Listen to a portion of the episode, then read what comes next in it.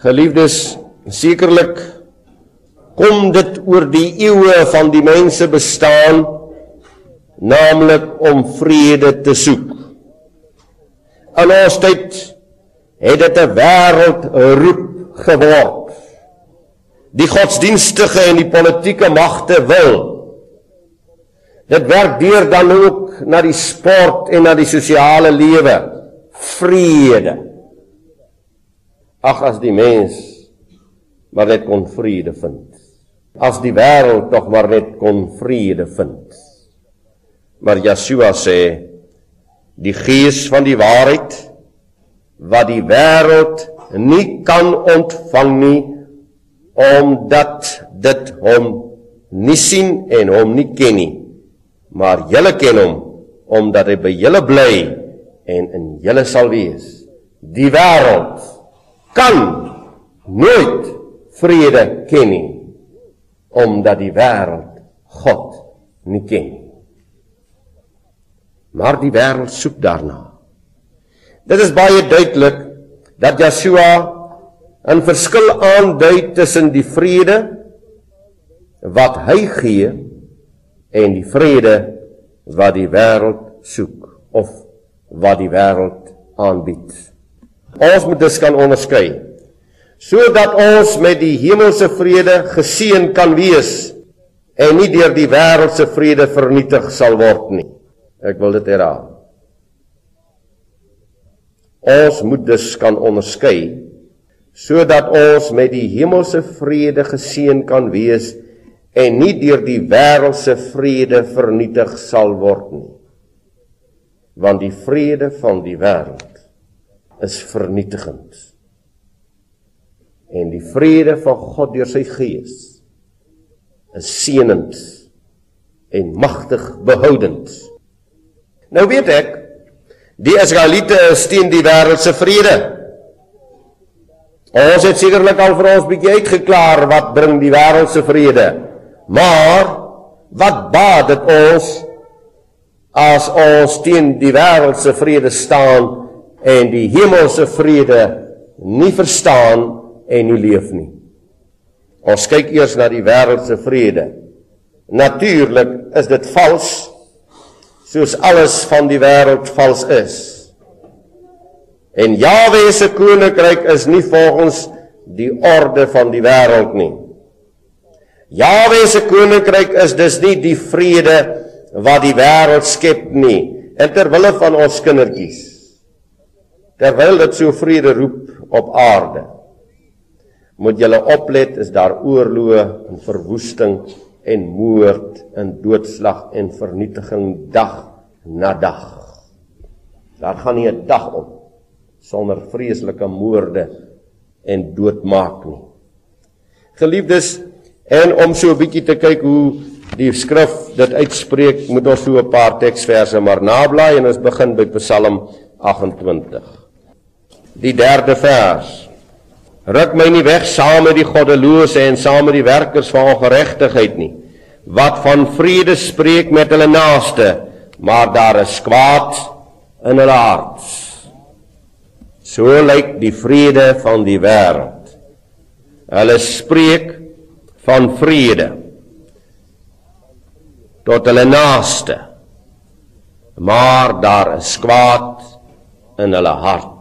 En die psalmdigter noem hulle die goddelose en die werkers van ongeregtigheid. Jesaja hoofstuk 48 Dit is tog maar groot waarheid wat ons lees vanmôre. Jesaja 48 vers 22 Geen vrede sê Jawe vir die goddelose nie. En een ek moet baie goed luister na die woord. Geen vrede vir 'n goddelose nie.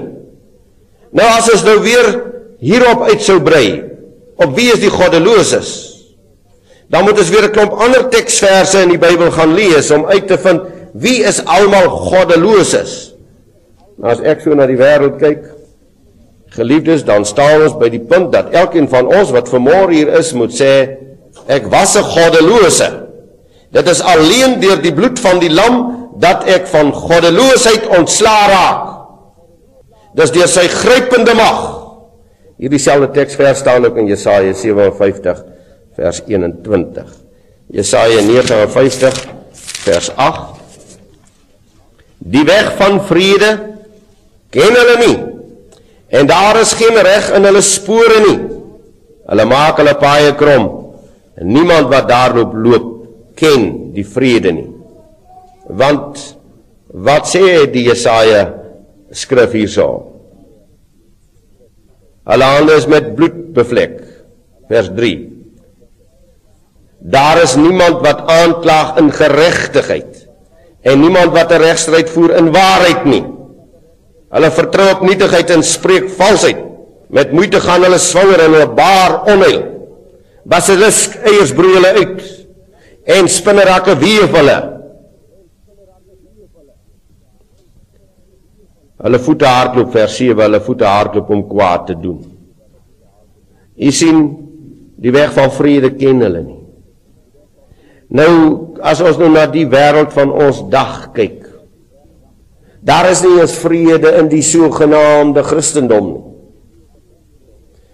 Daar bestaan nie vrede in die Christendom nie. Dit twis en dit stry en dit verskil.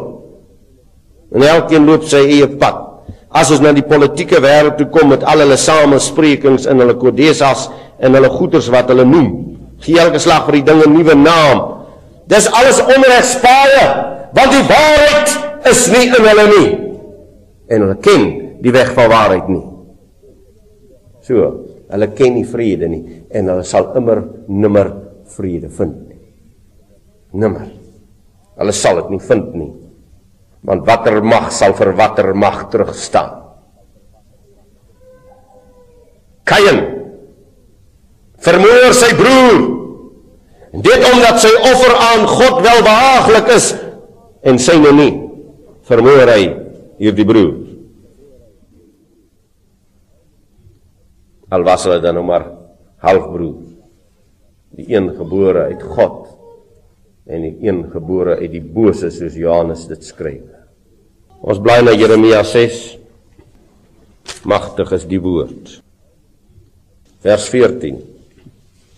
En hulle genees die verbreeking van die dogter van my volk op die maklikste manier deur te sê vrede vrede terwyl daar geen vrede is nie.